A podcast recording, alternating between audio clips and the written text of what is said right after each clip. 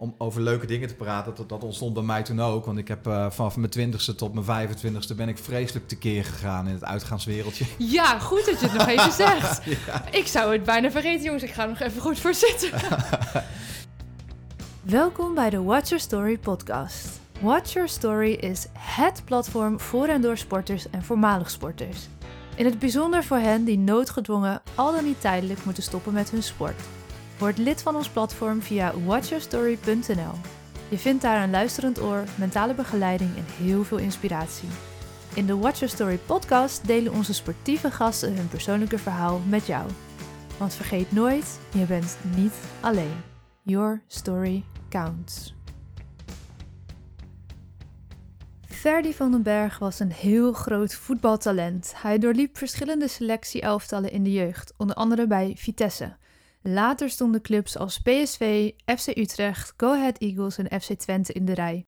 Toch stroomde hij uiteindelijk niet door naar een profcarrière. Zijn verhaal is indrukwekkend. Hij zag de dood in de ogen. Nu, jaren later, beseft hij dat er zoveel meer is dan voetbal. Voor hem gaat het leven om de verbinding met anderen, samen er een mooie tijd van maken. Ontdekken dat je nog zoveel meer talenten hebt. De top is smal en Ferdi redde het niet. Bleef hij verbonden aan de voetbalwereld? Koos hij voor een leven vol seks, drugs en rock'n'roll? Of werd Ferdi de familieman? In deze aflevering vraag ik hem het hemd van het lijf. Ferdy, welkom in de Watch Your Story podcast. Wat fijn dat je hier bent. Dankjewel. Het is een eer om hier uh, te zijn. Mijn allereerste podcastopname ooit. Ja, de allereerste ooit? Ja. Nou, dat er nog maar vele mogen volgen. ja, dat hoop ik ook. Ik begreep net dat je al uh, door journalisten gevonden was uh, recent over jouw sportverhaal. Dus, ja, dat klopt. Dat klopt. Dus blijkbaar heb ik, heb ik iets te vertellen wat, wat, wat meer mensen zouden willen, willen weten. Dus dat, dat is mooi. Nou, ik uh, ben het daarmee eens. En ik uh, weet natuurlijk een beetje jouw verhaal al. Maar we gaan het daar vandaag uitgebreid over hebben. Um, voor we daarin duiken, heb ik ook voor jou, zoals voor iedere gast in deze podcast, de eerste openingsvraag. Namelijk, wie is jouw grootste inspiratiebron? Ja, ja die uh, heb jij mij van tevoren gesteld. En daar heb ik even over nagedacht. Maar dat zijn er twee. Mm -hmm. En dat zijn mijn kinderen. Dus ja, die, ja daar, dat, nou goed, bij vorig jaar ben ik, uh, ben ik gescheiden. Uh, dat was, uh, was een intense periode. Mm. En die keuze maken had ook veel met hun te maken. En de tijd dat ik nu met hun samen ben, met hun samen door kan brengen, ja, dat geeft mij wel heel veel levensvreugde en daar word ik heel blij van. Yeah. En daarnaast uh, uh, zijn zij mijn allergrootste spiegel in het leven. Dus uh, als ik ergens inspiratie uit kan halen, dan is het wel in hun. Al gaat het om mijn eigen ongeduld of, of de dingen die ik in hun terugzie. Mm. Dus uh, uh, ja, ik denk dat zij mij de meeste, um, de meeste uh, lessen kunnen leren de komende tijd. Dus dat zijn wel mijn twee grootste inspiratiebronnen. Ja, hoe oud zijn ze? Mijn nu? jongste is twee, die wordt van de zomer drie. En mijn, mijn oudste wordt in april zes. Dus, ja. ja. Oh, heerlijk. Ja. Ja, ja. nou, ik snap het helemaal. Ja, dus, jij ik heb natuurlijk ook een kleintje, ja, nou, nog geen twee, maar gaat hard die kant op. Ja, en, ja het is één grote levensspiegel. Klets, ja, die kletst ook al een beetje natuurlijk. Die kletst zeker. Dus die begint, ja. Uh, ja die begint dan ook wel uh, de dingen tegen jou te zeggen die jij mag horen. Ja, het is zo, zo hilarisch dat je denkt... Oh, ja, volgens mij zeg ik dat dan. Ja, ja, ja. Nou, nou, nou. Wordt alleen maar erger. nee, dat heb je niet zelf bedacht. Nee, nee. Nee, leuk. Goed om te horen. En um, ja, mooi man. Kids als inspiratiebron. Ja. Hey, um, we gaan natuurlijk in deze aflevering onder andere over hebben. Um, ja, we hebben het veel met sporters over uh, sporters die hun nou ja, droom van wel moesten zeggen. Of de sport een punt hebben gezet achter hun sportleven. En nou, ik ben echt vereerd met jou als gast, want jij bent een heel groot voetbaltalent geweest. Um, en uiteindelijk niet doorgestroomd tot echt die profcarrière. Nee. Gaan we het over hebben. Um, maar ik denk dat je alleen daarmee al een enorme inspiratiebron bent uh, voor alle luisteraars. Want ja, zoveel van ons, zeg ik dan maar, hebben die droom. Uh, en de meeste, ja, heel bot gezegd, redden het niet. Uh, nee. En wat dan? Hoe ben je verder gegaan? Nou, daar gaan we het uitgebreid over hebben. Maar om er een beetje in te komen, heb ik eerst vijf stellingen voor jou. En je oh. mag gewoon on the spot ja. kiezen. Kom maar door. Zonsopkomst of zonsondergang? Nee, zonsondergang. Oké, okay, die was heel duidelijk. Ja. Ehm, als je terugkijkt en je zou het allemaal nog een keer mogen doen, maar met een ander resultaat, kies je dan voor alle ellende doorstaan en wel die profcarrière? Of niet meer al die ellende, maar ook geen profcarrière?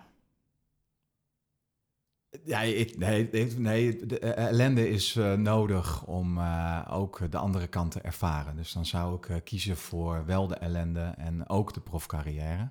Omdat ik wel vind dat er, of erachter ben gekomen dat je een bepaalde polariteit nodig hebt in het leven.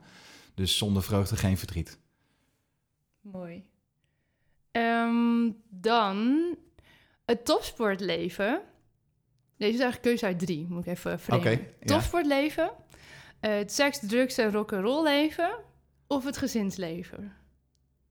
Seks, drugs en rock'n'roll. Daar wil ik alles van weten. ja, ja. Jezelf uitspreken of pleasen? Nou, jezelf uitspreken.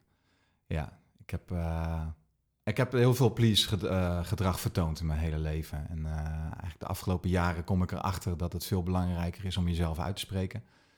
En dus, dus die keuze is duidelijk. Ja. ja. Talent of bezieling? Bezieling. Ja, uiteindelijk om vanuit het hart te leven is het allermooiste wat er is. Fijn dat het talent is. Talent, talent mag ook groeien. Maar zonder bezieling komt je talent nooit tot, tot wasdom.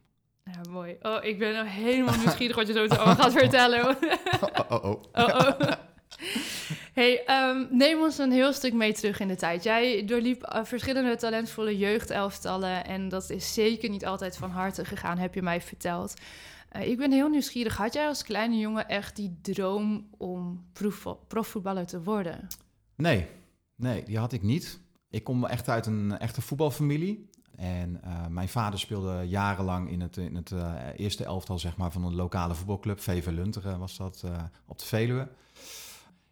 mijn broer, die acht jaar ouder, speelde in de jeugdopleiding van Ajax. Dus die stroomde daarin rond zijn elfde, twaalfde.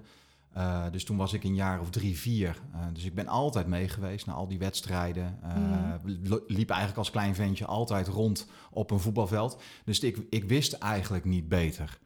Ik was, ik was ook wel echt met voetbal bezig. Dus ik had ook echt posters, zeg maar wel, van, ook van, van, van grote voetballers op mijn, op, mijn, op, op mijn kamer en zo. En, yeah. het was natuurlijk ook in die periode dat mijn broer speelde bij Ajax in, in 95, 94, 95 dat Ajax ook wereldkampioen werd toen, Champions League won. Dus dat was voor mij als, als ventje was dat een... Uh, ja, toen was, ik al, toen was ik alweer twaalf, was ik al een stuk ouder. Maar dat, dat heb ik wel echt intens beleefd. Dus ik genoot wel van het voetbal. Of ik zelf echt die droom had, ja, daar heb ik mezelf heel vaak afgevraagd. Maar dat, dat was eigenlijk niet zo. Ik had die droom niet, maar kon wel goed voetballen. Ja. ja, en toch, toen je net uh, moest kiezen, zei je dan toch maar wel die hè, ellende, gaan we het nog over hebben, wat dat bij jou is geweest. Maar, en wel die profcarrière. Ja, maar dat zit hem wel in, uh, dat, zit, dat, zit hem, uh, dat zit hem uiteindelijk wel ook met name in die ellende. Omdat ik denk van, je, je, je, hebt wel ellende mee te maken om uiteindelijk te kunnen groeien in je leven. En om ook een andere kant te kunnen zien. Dus ja. het zat er niet zozeer in die profcarrière, maar meer in die ellende waar ik dan voor koos. Dat het dan wel ook al die ellende misschien waard is. Ja, is het sowieso waard ja. geweest, maar ja, ik kan me voorstellen. Ja. Um, wil je ons dus wat meer vertellen over dat jongetje wat daar bij Ajax rondliep en uh, nou ja, misschien min of meer toevallig, kan ik dat zo zeggen, heel goed kon voetballen? Ja, ja, ik, uh, nou, zoals gezegd, ben opgegroeid bij de Meer eigenlijk. Ajax voetbalde toen nog uh, het oude stadion. Daar voetbalde mijn broer ook in de jeugd van Ajax.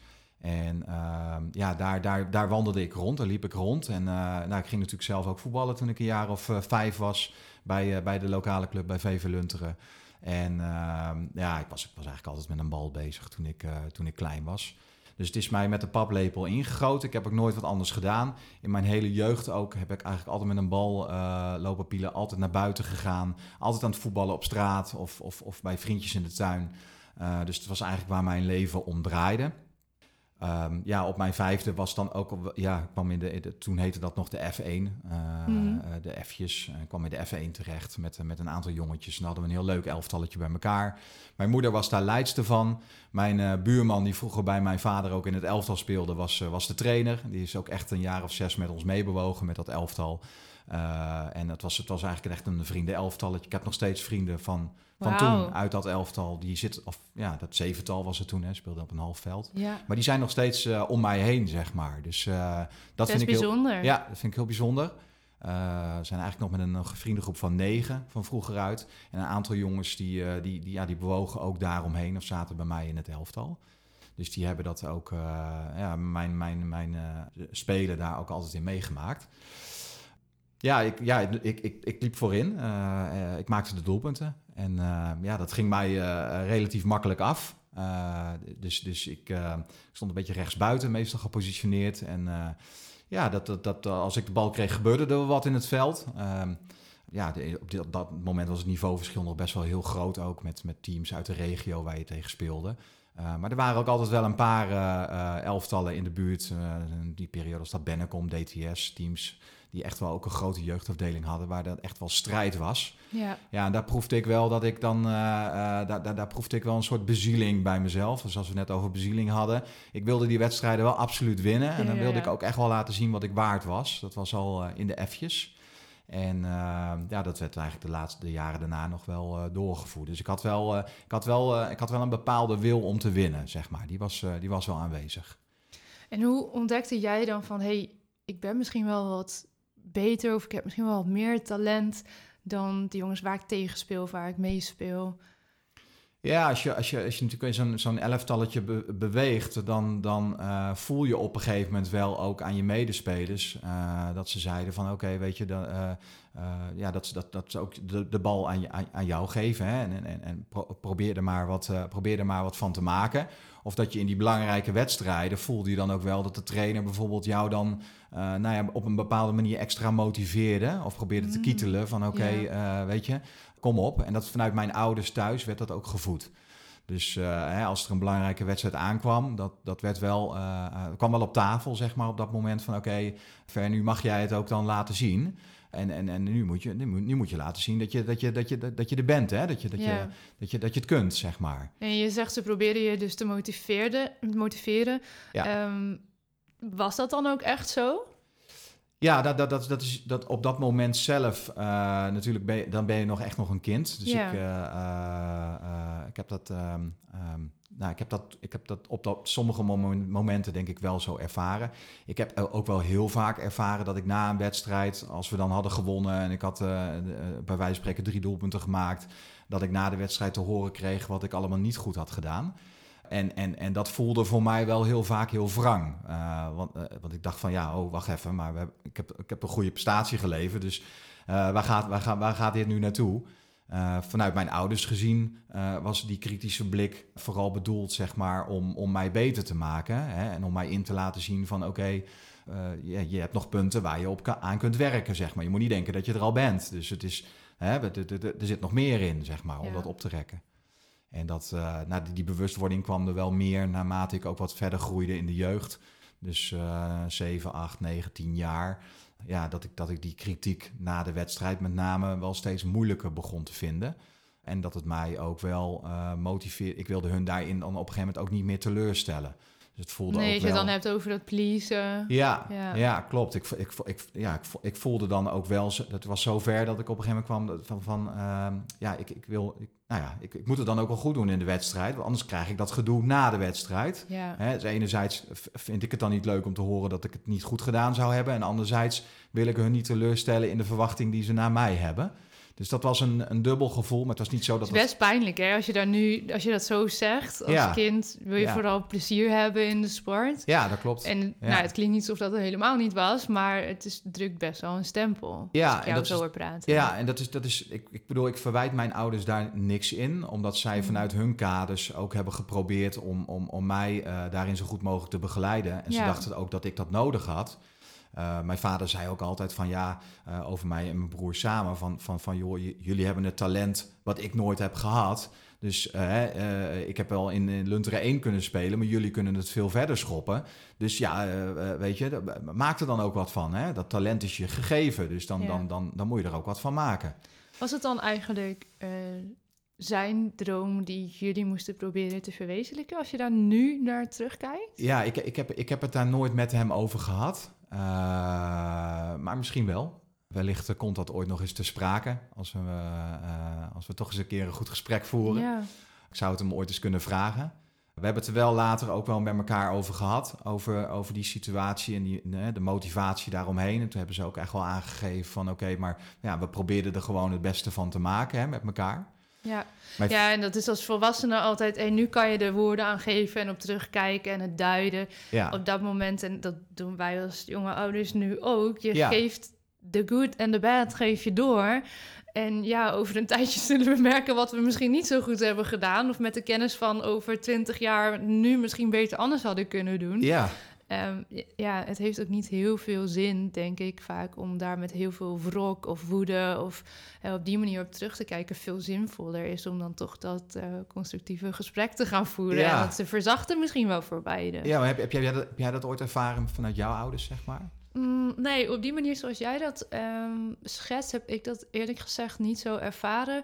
Eén ehm, moment komt wel in me op en dat was eigenlijk toen ik geblesseerd uh, raakte en echt, nou ja, voor die keuze stond van ga ik hier nu nog mee door? Ga ik er nog een keer opnieuw, nou ja, de vol vorm kijken hoe ver ik kan komen of is het nu gewoon wel goed geweest? En zeker toen ik echt uh, besloot van nou, het is wel klaar, maar toen was ik al een stuk ouder, hè, was ik denk ik richting de twintig of zo. Ja.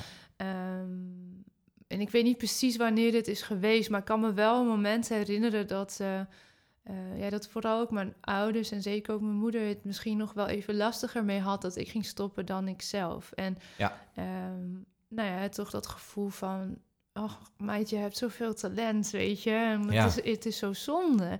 En, Maar dat, ik heb dat wel heel erg vanuit liefde altijd ervaren. Ja.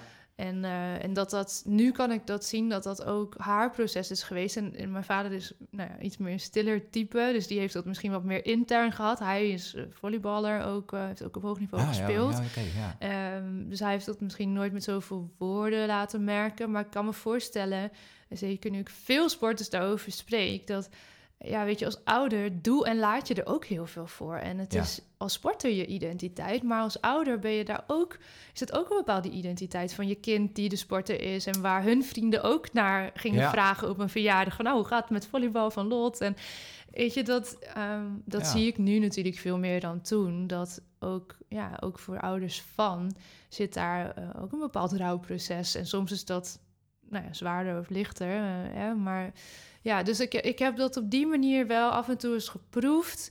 Ehm, maar ja, altijd zijn we maar echt onwijs gesteund altijd in, in heel die volleybalcarrière. En dat is wel, ik, ja, hoe meer mensen ik erover spreek, hoe meer je beseft hoe ontzettend waardevol dat is en hoe dankbaar ik daar ook voor mag zijn. Dat dat echt niet zo vanzelfsprekend is. Nee, nee ik zie dat bij mijn ouders ook. Hè. Mijn, mijn, mijn vader heeft bijvoorbeeld jarenlang naar Amsterdam gereden om dan mijn broer naar de training van Ajax te brengen.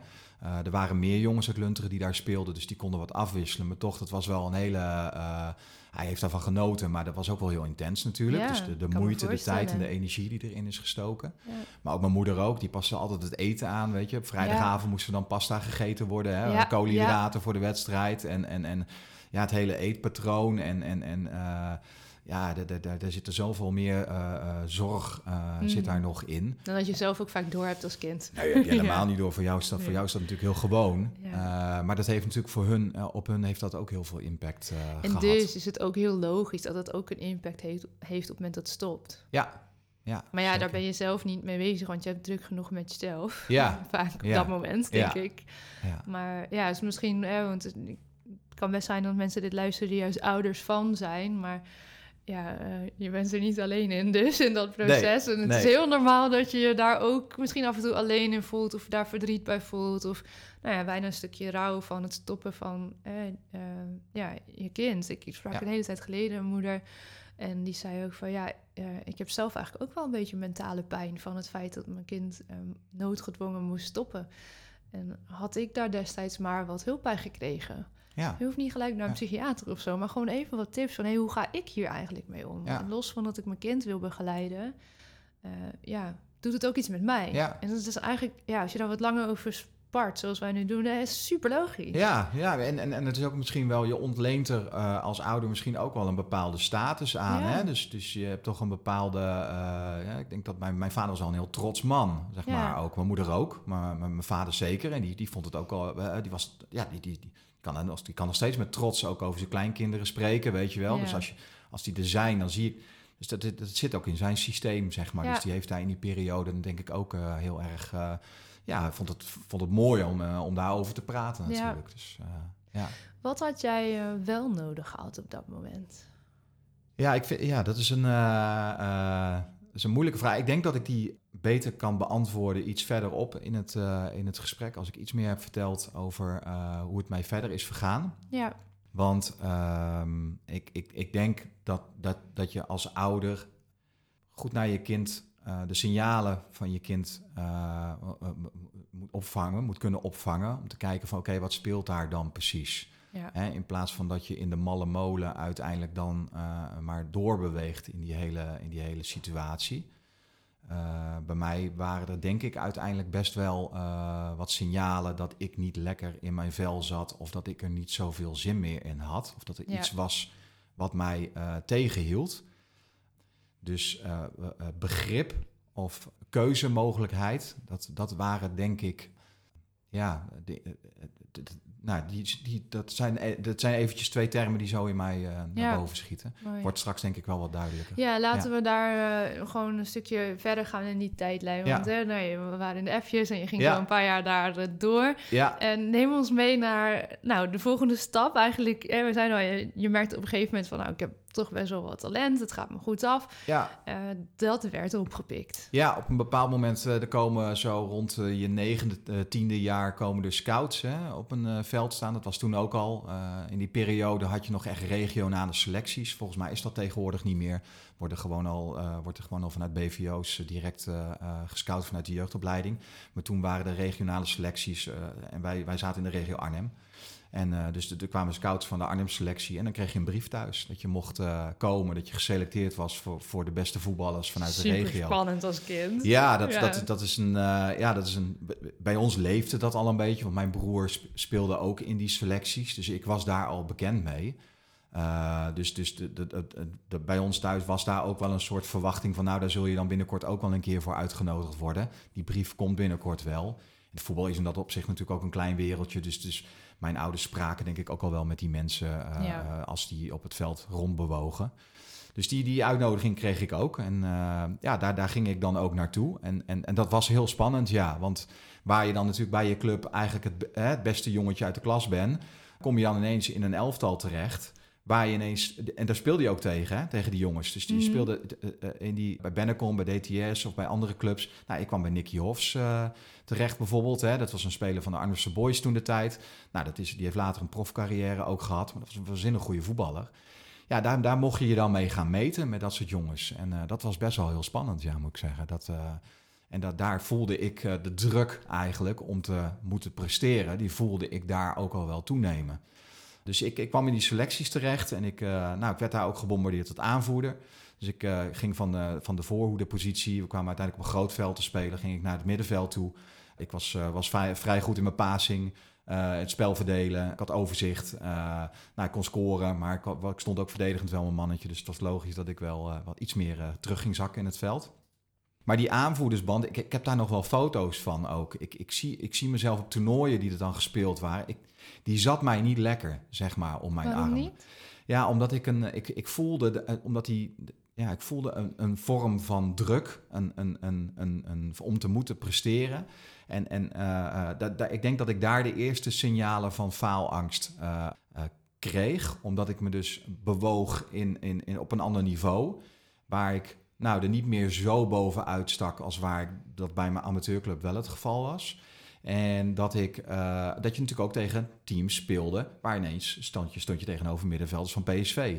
Ja, die hadden echt wel een hoog niveau. Maar die verwachting bij mij, die was nog steeds even hoog. Dat ik daar dus uh, moest presteren. En, en, dat ik daar mijn talenten uh, natuurlijk tot, tot wasdom moest laten komen. Dus die kritiek die ik eigenlijk eerder kreeg na de wedstrijd in mijn jeugd bij Lunteren, die ervoer ik daar nog steeds.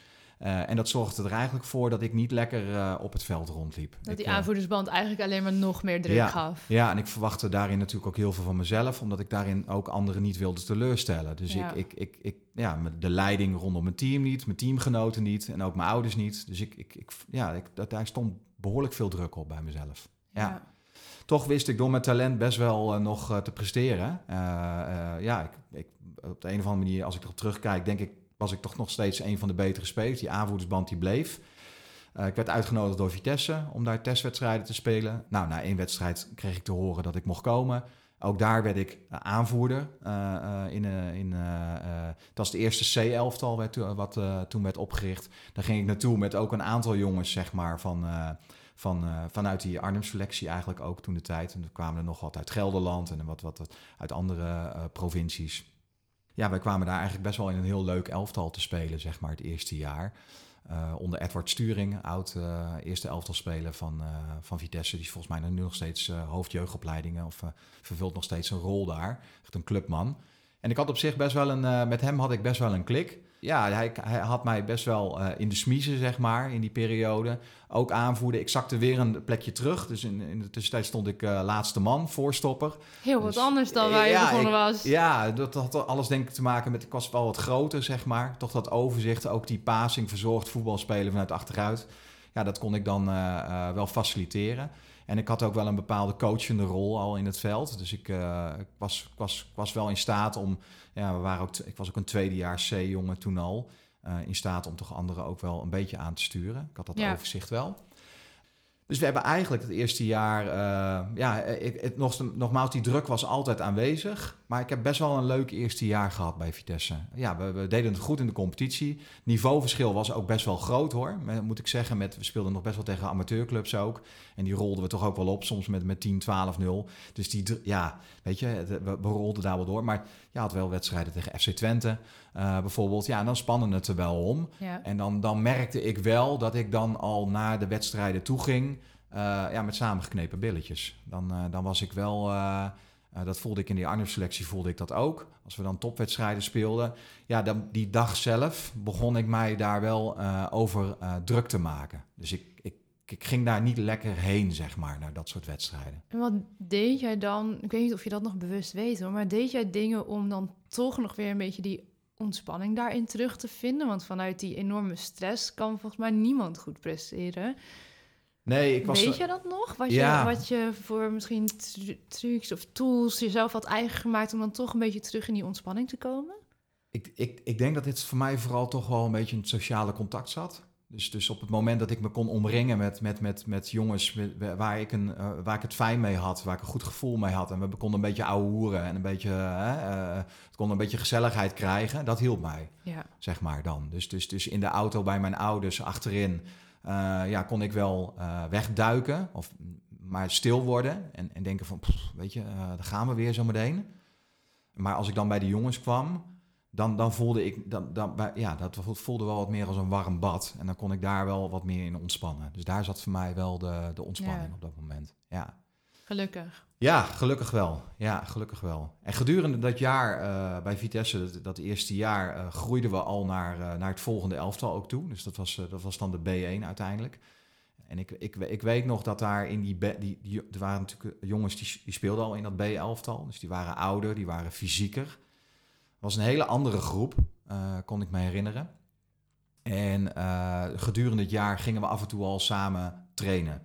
Dus onder eh, de nieuwe trainer, met die tweedejaars B-junioren en dan wij erbij, om dat nieuwe B-elftal te gaan vormen. Ja.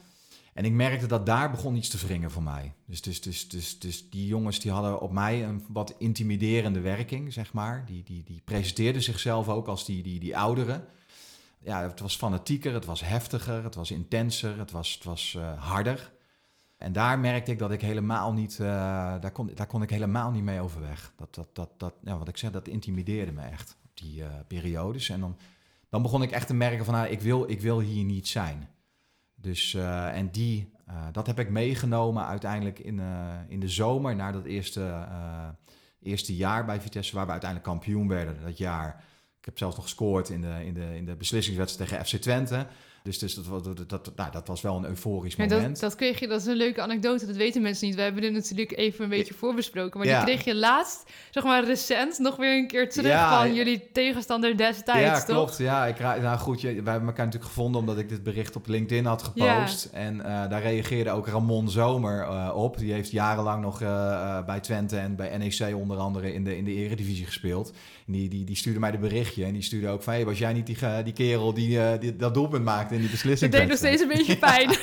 Ja, die zat hem nog steeds dwars, ja. ja, ja. ja. Dus dat is wel... eh, Ja, grappig. Maar is- terug naar die zomer, Ja. want toen begon het dus al eigenlijk te wringen. Ja, dat je dacht, zo- hmm, ja, ondanks dat we kampioen werden en, en eh, dat, we, eh, dat ik eigenlijk best een leuk eerste jaar had gehad. Dus Het perspectief naar het volgende jaar toe zat mij dwars. ja. En dat heb ik ook gecommuniceerd naar mijn ouders. En ik heb gezegd dat ik niet verder wilde. Dus die, eh, eh, ja, ik, ik, ik wilde dat, dat volgende jaar niet, niet in. Ik moest daar ook naar school. Eh, dus het volgende jaar zou ik met een busje elke dag opgehaald worden. En eh, zou ik in Arnhem op school gaan zitten, een topsportschool. ja. Waarbij alles aangepast zou gaan worden op trainingen en, en, en, en in combinatie met leren. En dat wilde ik niet. Dus dat was voor mij heel duidelijk. ik zag dat niet zitten. En dat, dat, dat, dat... Dus het was eigenlijk voor mij de allereerste keer dat ik me eh, als jongetje uitsprak over het feit van eh, ik voel me hier niet eh, fijn bij. Kan je dat moment nog echt herinneren waar jullie zaten of waren en Ja, hoe je dat hebt aangepakt? Het was in de auto, volgens mij na, na een van de laatste bijeenkomsten van de CE nog, dat we het seizoen afsloten en dat we dan naar volgend jaar gingen kijken.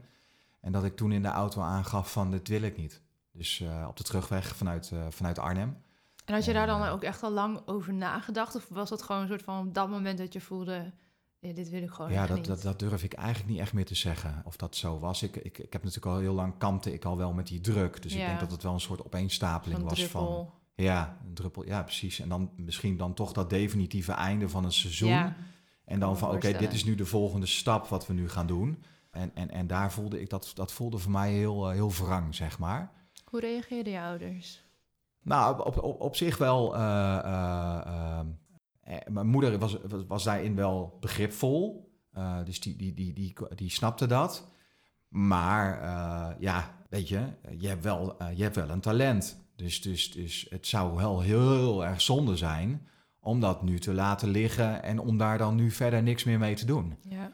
En ja, misschien ligt er wel een verschiet voor je als profvoetballer. En dat zou je dan weggooien door dan nu niet die stap te zetten. En wil je het dan nog toch niet proberen om je toch te meten, zeg maar, met, met die... Nou ja, daar, daar ging het gesprek al relatief snel naartoe. Waarbij ik als kind uiteindelijk niet meer bij machten was om, eh, om dat om te draaien. Dus eh, ik heb me daarbij neergelegd en ik heb uiteindelijk gezegd van... eh nou ja, oké, dan, dan, dan gaan we dat dan doen volgend jaar. Maar dat moment is voor mij op latere leeftijd ook echt een soort... Daar heb ik heel vaak op teruggekeken. Dat ik dacht van oké, als ik daar uiteindelijk mijn zin had gekregen... Hè, of Mhm. mijn gevoel had kunnen mogen volgen... dan waren mij wel heel veel dingen bespaard gebleven die daarna zijn gebeurd. En eh, al begrijp ik, hè, nogmaals vanuit mijn ouders perspectief ook... hoe zij erin stonden, van dat ze me toch gemotiveerd hebben. Want dat was het natuurlijk voor hun gevoel Ja. mij te motiveren om toch die kant op te gaan. Voor mij voelde dat als een, eh, als een eh, keuze die ik niet wilde maken. Eh, En je ging dus toch? ja, ja, dus dat... Ik kan me eh, voorstellen dat dat een lange zomer, eh, dat je daar dan erg tegenaan hikt ook, totdat dan een nieuw seizoen weer ik begint. kan, me- ik kan me dat goed, niet goed meer herinneren. Ik denk dat ik dat voor mijn gevoel toch ook weer weggestopt, zeg maar, in die zomer verder. En van, oké, het is nu dan even klaar en we zien het dan straks wel weer wat er dan komt. Logisch. Eh, dus we zijn gaan, eh, ja, dat seizoen begon natuurlijk al in de zomervakantie. Hè. Voordat school begon, Ja. begon het voetbalseizoen eigenlijk al. Dus eh, ja, we zijn daarin eh, eh, gaan, we zijn, ja, we zijn al heel snel gaan trainen natuurlijk. Ook met die, met die nou wat inti- intimiderende jongens uit die oudere, oudere groep die daarbij kwamen. En ik, eh, ja, ik raakte al heel gauw geblesseerd. Dus ik aan het begin van het seizoen kreeg een ontstoken scheenbeen. En ja, dat kwam me eigenlijk wel goed uit. Dus ik, ik vond het eigenlijk wel lekker dat ik, dat ik geblesseerd was. Ik had daar wel last van, van dat, van dat, van dat scheenbeen. Dus ik moest ook naar de fysio toe. En, eh, dus ik was daar wel. Ik, was daar wel. Mhm. Eh, ik werd behandeld en eh, deed wel oefeningen, zeg maar, om, om natuurlijk fitter te worden, beter te worden, te herstellen. Maar goed, een ontstoken, ontstoken scheenbeen heeft ook gewoon wel wat rust nodig. Dus ik, Ja, ik voelde me daar wel heel comfortabel bij. Dat ik niet hoefde te trainen en niet in die prestatiedynamiek hoefde te bewegen. Niet onder die druk te hoeven staan. Maar dat ik eigenlijk daar een beetje vrij omheen kon dartelen door die blessure. En er kwam natuurlijk op een bepaald moment kwam er een einde aan die blessure. Maar ik kan me wel herinneren dat ik die wel een beetje heb opgerekt. Van hoe fit ik word. Want ik Ja. vond het eigenlijk wel goed zo. Maar zo'n fysio, die, had hij dat door? Is dat een rare vraag? Nou ja, ja, nou ja, kijk, die, die, die, dat- ik, ik weet nog, die fysio, dat was echt eentje van de oude stempel. Eh, dus uh, niet lullen, maar poetsen. Ja, daar heerste in zo'n hok, in, de, in zo'n, eh, eh, bij die fysio, kwamen vaak jongens bij elkaar. Was toch een beetje macho eh, gedrag ook, wat daar, wat daar eh, eh, was. Ja, en dat ik daar dan wat gevoeliger voor was. en dat ik misschien ja, wat terughoudend was. Ja, dat werd daar aangedikt, zeg maar. Dus ik, ik, ik, heb, ik heb me nooit ook fijn gevoeld in dat hok van die fysio. Omdat ik, dat ik, ik had al het gevoel van, oké, maar er wordt mij nu ook, wordt, het wordt mij ook verweten, Ja. zeg maar. Ik deed het natuurlijk ook een beetje alsof. Ik was ook geblesseerd en daarna deed ik een beetje alsof.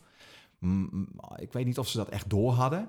Maar er, was al, eh, er werd altijd wel, de druk werd altijd wel opgevoerd, zeg maar. Van, eh, nou ja, we weten wel niet of jij dat karakter dan wel hebt, weet ja, je wel. Ja, dus aan de ene kant was het mentaal heel lekker dat je dus even niet hoefde te presteren. Aan Ja. de andere kant werd het er ook niet beter op door wat je, Nee, nou ja, alsnog Nee. te horen kreeg. dat klopt. Ja, dat Ja. klopt. Ja. Nou goed, de, de- Uiteindelijk herstelde je. ja, ik herstelde en ik, eh, nou, ik ging, ik, in die tussentijd ben ik ook naar school gegaan daar. Ja, daar ben ik heel verdrietig van geworden, om daar naar school te moeten. Want? Dus 's ochtends opgehaald worden met dat busje.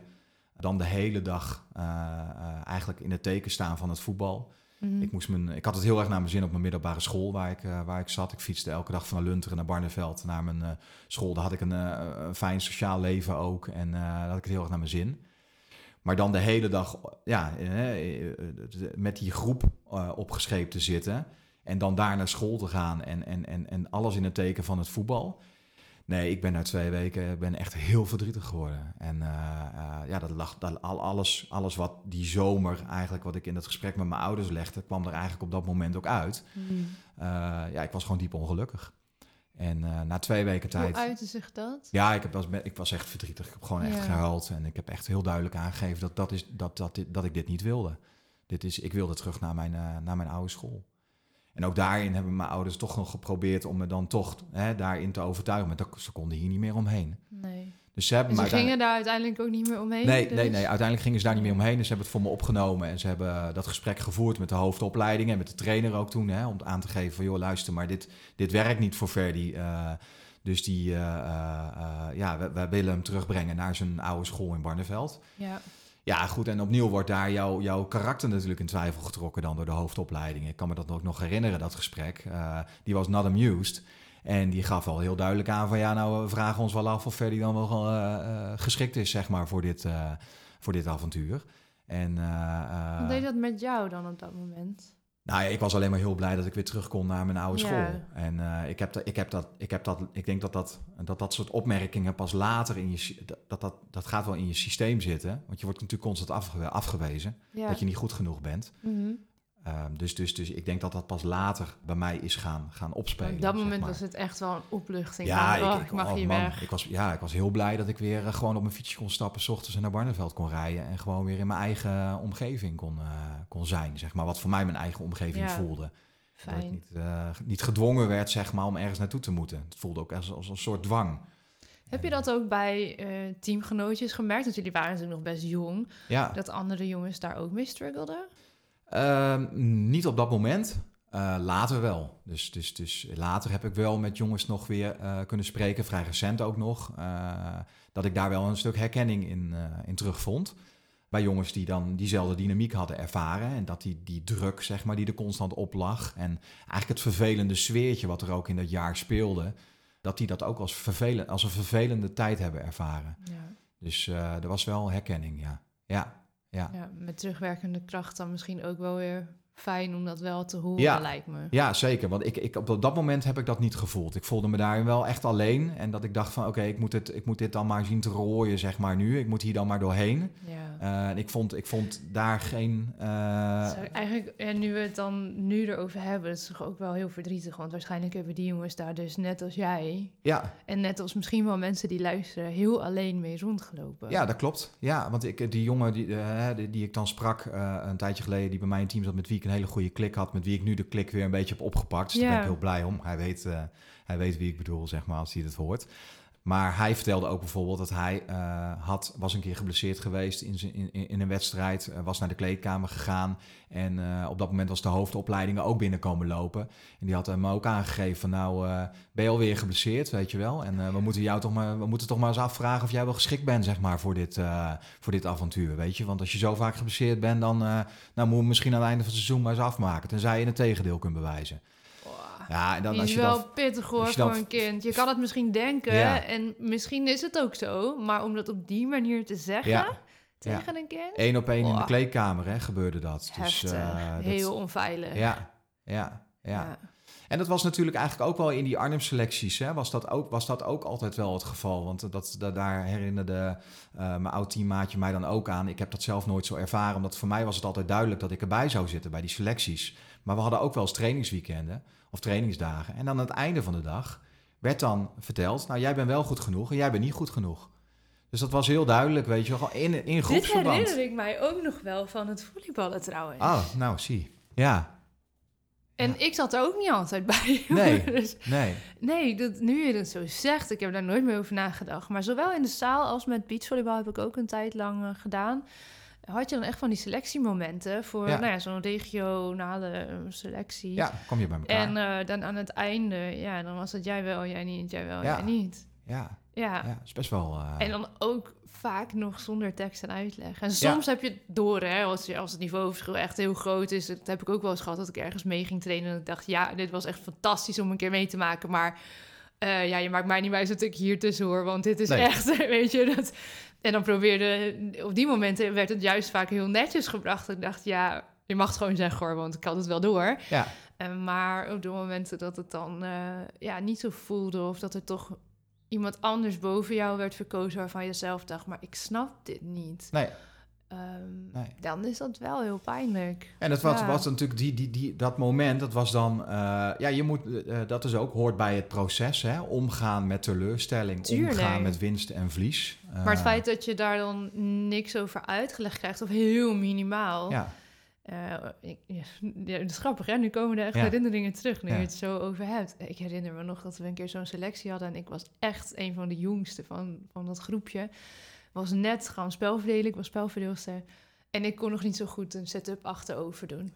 Ja. Maar ze gingen het me in die training een beetje leren. En toen, nou ja, wat ik me herinner, ging het best heel aardig. Um, en dat je dan wordt afgewezen of zoiets als...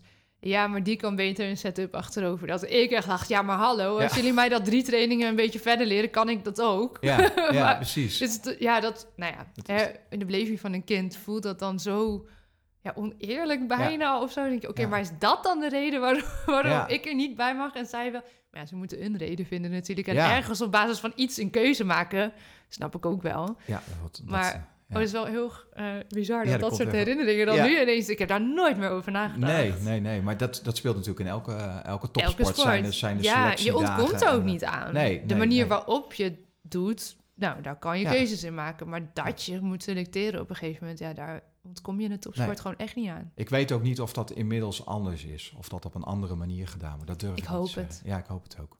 Ja, ja dat daar toch uh, iets meer gevoel van empathie... Uh, ja. Iets meer naar, de, naar, naar het jongetje of het meisje zelf wordt gekeken. Van oké, okay, wat, ja. wat doet zo'n keus met jou? Dus dat hoop ik. Jij ging terug naar jouw vertrouwde school in ieder geval. Ja, ja, ja. Toen, dat, was een heel, dat was, uiteindelijk was het een, een bizar jaar, want ik kwam al wel weer naar die blessure dan terug ook in dat elftal uh, uh, en uh, had het niet naar mijn zin. Ehm, gek genoeg gebeurde er iets wonderlijks, want het was 98 en er werd in, in Frankrijk werd het WK gespeeld, ook voor, voor de, de, de, nationale teams, maar ook mhm. voor jeugd. En ook een, het jeugd-WK onder 14, denk ik dat het in die periode was. En daar speelde Cameroen ook op dat WK. En er kwamen drie jongens van dat, van dat jeugd-WK kwamen door naar Vitesse in die periode. toptalenten uit Cameroen en die kwamen bij ons in het elftal. Maar wat niemand wist, was dat ze open tuberculose meenamen. Dus uh, uh, 30 mensen bij Vitesse, om en nabij, tussen de 25 en 30 meen ik, raakten besmet met TBC. Ja, een bizarre situatie waarbij ook uh, uiteindelijk iedereen uh, bij elkaar geroepen werd. Uh, open TBC is natuurlijk besmettelijk, dus, ja. dus er werden ook allemaal tegenstanders geïnformeerd. Want ja, als je net tegenover die spits bij ons uit, uit Cameroen stond als, als voorstopper zijnde van de tegenstander, ja, heeft hij ook in je nek staan hijgen. Dus die zou ook ja. besmet geraakt kunnen zijn. Ja, en, en ik raakte ook besmet. En ik, uh, uh, ja, ik kreeg daar medicatie voor om, om, om dat tegen te gaan. Uh, nou ja, de, vroeger ging je daar, overleed je daaraan. De, ook in die periode was het al goed te behandelen. maar die medicatie was best wel heftig. en dat, dat, dat, die, die, die, ja, die, had, daar had ik, het, had ik het zwaar mee. Dus ik, ik kreeg die medicatie. En vanaf dat moment ben ik eigenlijk het hele jaar soort van ziek geweest. Ja. Moe, weinig energie ja, echt wel, uh, echt wel eh, intens beleefd uh, dat jaar uiteindelijk. En echt buiten de groep komen te staan daardoor. Ik kon niet meer voetballen. Uh, ik heb mijn school wel kunnen doen dat jaar. Dus ik heb mijn schooljaar ook gehaald. Ehm, maar ik heb eigenlijk het hele jaar verder niet meer kunnen voetballen. Dus ik, ik meen dat dat gebeurde al in oktober.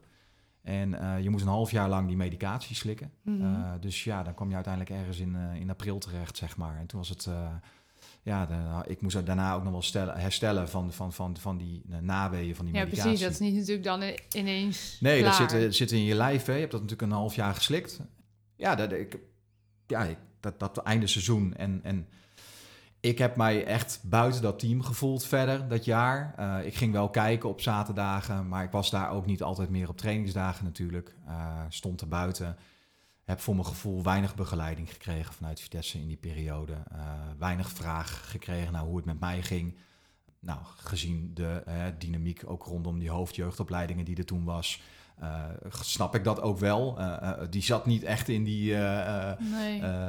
In, in, ja, op dat moment. Nou ja, en het is wel iets, hè, een, een, plaatje wat je schetst, wat ik helaas veel vaker hoor. Hè. Je valt mm. van die trein af en de trein dendert door. Ja. En met een beetje geluk wordt er nog een keer een fruitmandje gestuurd of nog eens gevraagd van hey, hoe gaat het eigenlijk? Ja. maar heel vaak. Um, ja, wordt daar nauwelijks meer naar omgekeken. Nee, jij hebt dat met jouw blessure dan. Uh, ja, ik heb dat zelf ook ervaren. Dan moet ik zeggen, de eerste keer dat, het, uh, dat ik echt. Ik was toen net verhuisd naar Groningen en ging daarbij een nieuwe club spelen. Ik was uh, nog net geen 17 jaar, dus echt heel erg jong. op een kamertje in een nieuwe stad en daar ging ik dan wow, spelen. Ja. bij Veracles destijds. En ik heb dat eerste seizoen helemaal geen minuut binnen de lijnen gestaan. Omdat ik dus eigenlijk al geblesseerd aan het seizoen begon. En we eerst niet goed wisten wat het was.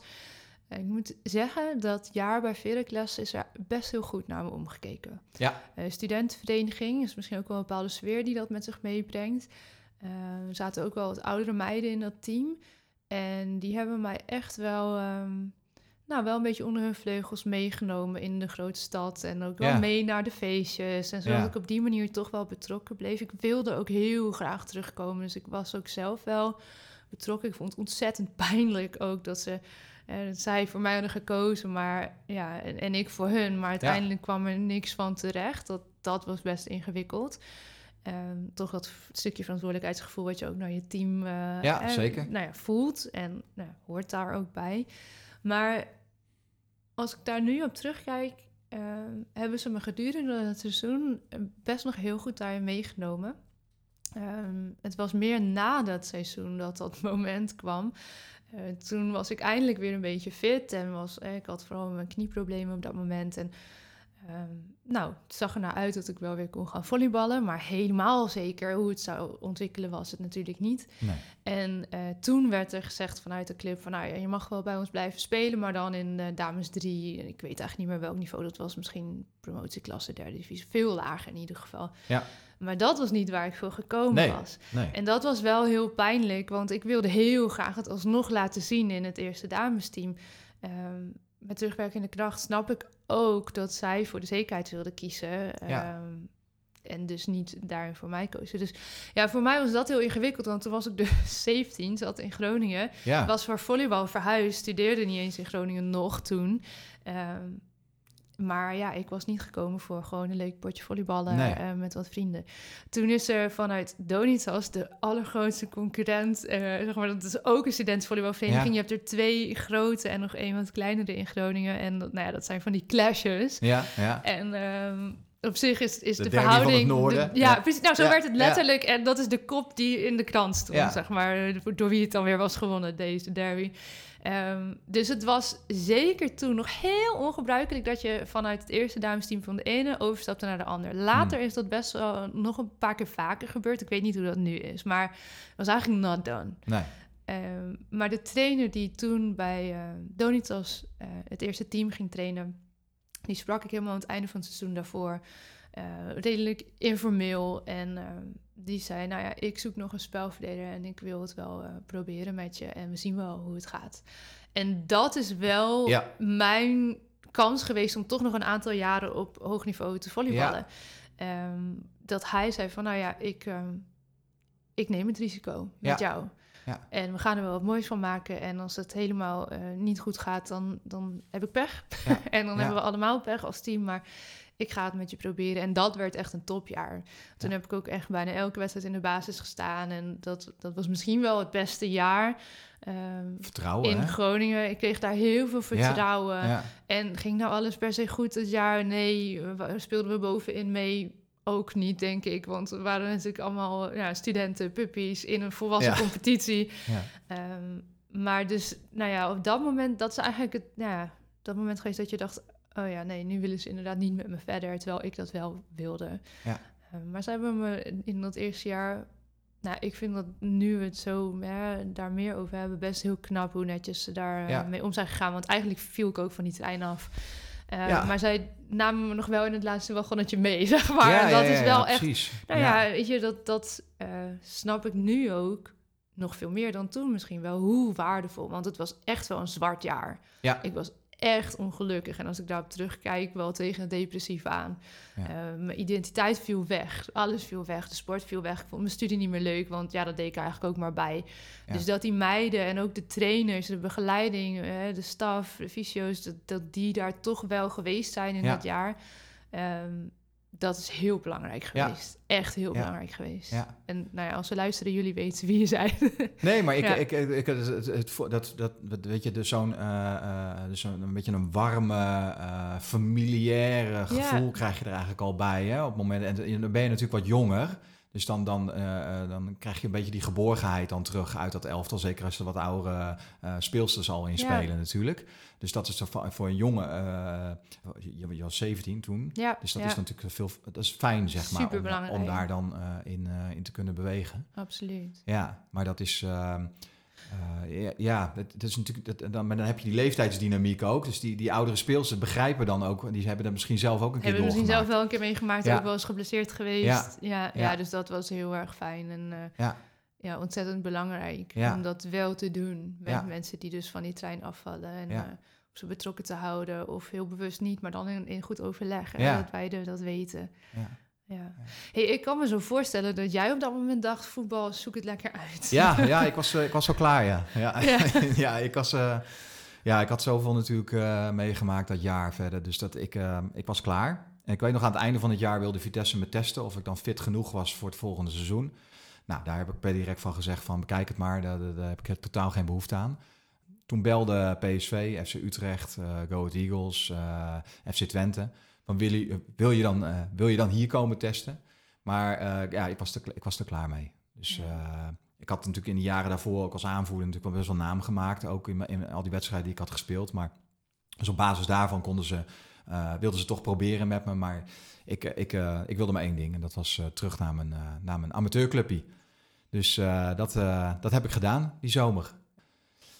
Ja, dat, dat, dat was dat. Ik ging weer met mijn, vriendje, met mijn vrienden van vroeger spelen, weet je wel. Dus Ja. eh, ook die vrienden die, in die waar ik het eerst had over had in die vriendengroep, ja, die, die speelden daar en die waren daar. En eh, ja, dat was heel fijn om daar weer het plezier terug te kunnen krijgen in het voetballen. Ook al omdat ik natuurlijk vanwege mijn talent eh, meteen ook wel een bepalende rol kon spelen in, in, in dat in, in dat elftal. En dat die druk, die stond er dan dus niet zo op. Want je speelde natuurlijk ook automatisch weer tegen tegenstanders die een wat lager niveau hadden. Iets meer leunen op gewoon het talent wat je had en de ervaring die je toch wel ook hebt opgedaan in die jaren. Ja. Ja. dus ik voelde daar wel een stuk verlichting.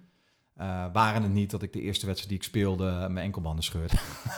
dus dat, uh... Ja, jongens, ik weet wat voor rijtje van dingen ja. wat er allemaal is gebeurd en wat er komt. Jullie zien mij niet, maar nee. ja, hoe vreselijk. Ja, ja, oh, dat was, wel, heb, uh... ben je echt gaan staan voor wat je wilde. En je bent weer bij je vrienden terug en dan gaat het weer mis. Ja, ja, dus dat was, nou, dat, dat, ja, dat, dat, nou, dat, dat, ja, was niet leuk. Uh, goed, uh, je herstelt daarvan. Ik, ik, ik, wist ook niet beter dan dat ik daarvan kon herstellen en ging herstellen en dan weer ging spelen. Dus dat, volgens mij gebeurde dat al eind augustus. Een, echt een van de eerste wedstrijden. Nou, ik denk dat ik zo'n beetje in december weer, weer op het veld liep. En toen hadden ze ook al wel door van oké, okay, verder is dit niveau dan eigenlijk ook al wel ontstegen. Dus ik ging direct eigenlijk al door naar de eerste selectie toe. Dus ik was 15 op dat moment. Lunteren speelde toen het ene hoogste amateurniveau. Ging met de eerste elftal meetrainen en met de tweede elftal voetballen. Uh, dus daar kwam ik eigenlijk in diezelfde dynamiek terecht als wat jij net schetste. Is dat je met oudere uh, spelers te maken kreeg. Hè? Ja. Dus ik was 15, uh, was talent van de club. Maar ik speelde al met, met spelers van 32 daar. Die ja, eigenlijk alles al gehaald hadden. boegbeelden van de club. En die ontfermden zich ook echt over mij. En, en, en na al die jaren van soort van druk... was dat ook wel heel fijn om dan terecht te komen op een plek waar, waar je nou ja, een soort van omarmd werd, zeg maar. Er werd ook een beetje voor me gezorgd. Fantastisch. Ja, dus dat, uh, dat heb Zo ik wel, hard uh, nodig, ja, als je jouw wel, verhaal uh, zo hoort. was heel wenselijk, ja. ja. ja. Nou, die jaren daarna, ik heb de ziekte van vijven gehad. En ik, heb, ik heb nog een keer mijn enkelbanden gescheurd gehad. Um, ja, heel veel hamstringblessures gehad. kleine, kleine blessures. Ja, hele lijf nog vol spanning eigenlijk. Ja, ik kan ook geen andere, uh, uh, ja, kan het ook niet anders verklaren dan dat dat het geval moet zijn geweest. Want oh, toen, ik ervaarde nog wel steeds die druk hè, op het veld. Dus als ik op het veld stond, zeker ook met, met, met die oudere jongens, dus dat ik wel, ik voelde nog steeds wel die druk van te presteren. Ja. Het was wel een soort combinatie van gezonde spanning. Uh, hey, mijn talent kan hier tot, tot uiting komen en ik moet presteren. Uh, want ik was nog steeds dat talent en ik, ik, ik was nog steeds nu wel bedoeld om dan het, het, eerste elftal terecht te komen en om, om dat dan te gaan, te gaan dragen of om verder te stomen in het amateurvoetbal. Maar uh, ja, dat, die spanning zat wel in mijn lijf. Dus daar, daar gebeurde wel van alles. Ik heb uiteindelijk heb ik op mijn 18e, 19e heb ik een uh, heel mooi seizoen mogen draaien onder uh, de toenmalige trainer die toen bij Lunter kwam, gaf me alle vertrouwen in het eerste elftal. Alfred mm. Schreuder was uh, zijn assistenttrainer. daar heb ik heel veel van geleerd, ook in dat jaar. we speelden toen inderdaad het ene hoogste amateurniveau. We speelden uiteindelijk nog een promotie-degradatiewedstrijd met tegen Dragste Boys toen om, om naar het ho hoofdklasseniveau toe te treden. Uh, heel mooi jaar gehad. En uh, ook, ook echt kunnen floreren als middenvelder, zeg maar, uh, in het jaar. met mijn broer ook kunnen samenspelen. Die speelde intussen ook in dat, in dat elftal. Dus dat was, dat was gewoon heel gaaf. En uh, ja, daarmee uh, stonden uiteindelijk dan, dan ook de lokale uh, topclubs stonden in de rij. Dus ik heb toen gesprekken gehad bij, in, mijn, in, mijn, omgeving met Dovo, GVV, Sparta Nijkerk, STVB. En, dus dat waren een beetje de top amateurclubs toen in die regio. Toen ben ik uiteindelijk ben ik bij SSC Putten beland. Die hadden een heel leuk, goed voorstel voor mij, zeg maar. En was ook een beetje een familiaire club. Ik voelde daar ook een beetje die warmte, zeg maar. Ook een menselijke trainer. Uh, die, uh, die, die ook zei van, nou, ik, heb, ik heb jouw talent gewoon nodig, zeg maar, hè, binnen, mijn, uh, binnen mijn team. En nou, je krijgt daarin alle kansen. En, en die gaf me, nou, dat, dat vertrouwen waar we het net over hadden, dat, ja. dat kreeg ik echt van hem. En toen, ik kreeg een autootje ook van de club. dus ik, heb, ja, ik kreeg een, kreeg een uh, Fiat, Fiat Tempra volgens mij was het. Die mocht ik uitzoeken bij sponsor natuurlijk van de club toen. En ik kreeg wat centjes betaald, hè. zo ging dat allemaal. En uh, nou, die, die, die kreeg ik. Dus ik was, ik was helemaal blij. Ik had net mijn rijbewijs. Dus ik had twee trainingen gedaan in de zomer. En uh, ja, vervolgens op, een, op een zomerse woensdagmiddag ging ik met vrienden vanuit Lunteren naar Ede om even wat te drinken. En we moesten nog langs het huis rijden van een vriend van mij. Die wilde een korte broek aantrekken of wat dan ook. En ja, vervolgens vlieg ik uh, uit de bocht met mijn auto en uh, krijg ik een heel heftig auto-ongeluk. Waarbij ik uh, nou ja, echt op het randje van de dood heb gelegen. Zware inwendige bloedingen. Ja, ik ben met mijn, met mijn, mijn rechterband in de berm beland. Ik heb naar de overkant willen sturen, zeg maar, met een mhm. ruk. Nou, iedereen snapt wat er dan gebeurt, want je ja. klapt naar de overkant toe. Ja, en ik ben daar in een greppel beland tegen een hek aan. Met Ja. z'n allen in die auto. Ja, met z'n tweeën. Er reed één auto voor ons. eh, met ook twee hele goede vrienden van mij. Wat nog steeds mijn twee, best, ja, twee van mijn beste vrienden zijn. Dus we, ja, we hebben het daar ook nog wel eens geregeld over. Maar, en één eh, vriend van mij naast me in de auto. Die gelukkig alleen maar aan dat eh, ongeluk twee gebroken ri- ribben heeft overgehouden. Maar ik lag echt in de kreukels. Ja, ik ben daarna ja, vanuit die auto de straten opgekropen.